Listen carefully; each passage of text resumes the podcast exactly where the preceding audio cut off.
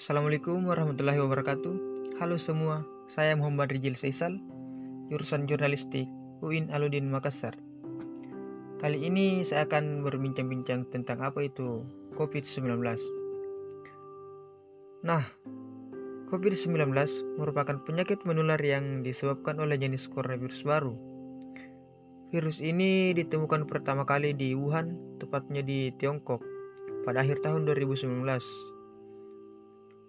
COVID-19 dapat menyebar dari orang ke orang melalui percikan-percikan dari hidung atau mulut yang keluar dari orang yang terjangkit. COVID-19 menyebabkan penyakit saluran pernapasan dan menimbulkan gejala seperti demam, cepat lelah, pegal linu, nafas susah, sakit tenggorokan, maupun batuk kering. Dalam beberapa kasus orang yang terjangkit bisa menimbulkan gejala diare, hidung tersumbat, atau tidak menunjukkan gejala apa pun dan tetap merasa sehat. Nah, apa yang perlu kita lakukan agar tidak terjangkit COVID-19 ini?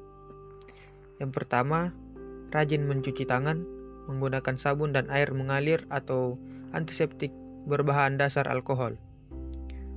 Kita juga harus menghindari keramaian, selalu menjaga, jar menjaga jarak setidaknya 1 meter antar sesama.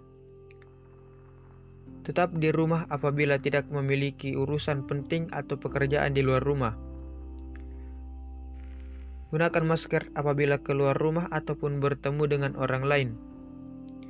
Hindari menyentuh mulut, hidung, dan mata jika merasa kurang sehat. Segera hubungi layanan kesehatan terdekat. Tetap tenang dan menerapkan pola hidup bersih dan sehat.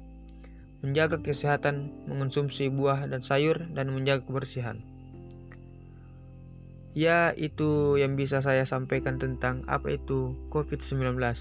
Terima kasih. Sekian, Assalamualaikum warahmatullahi wabarakatuh.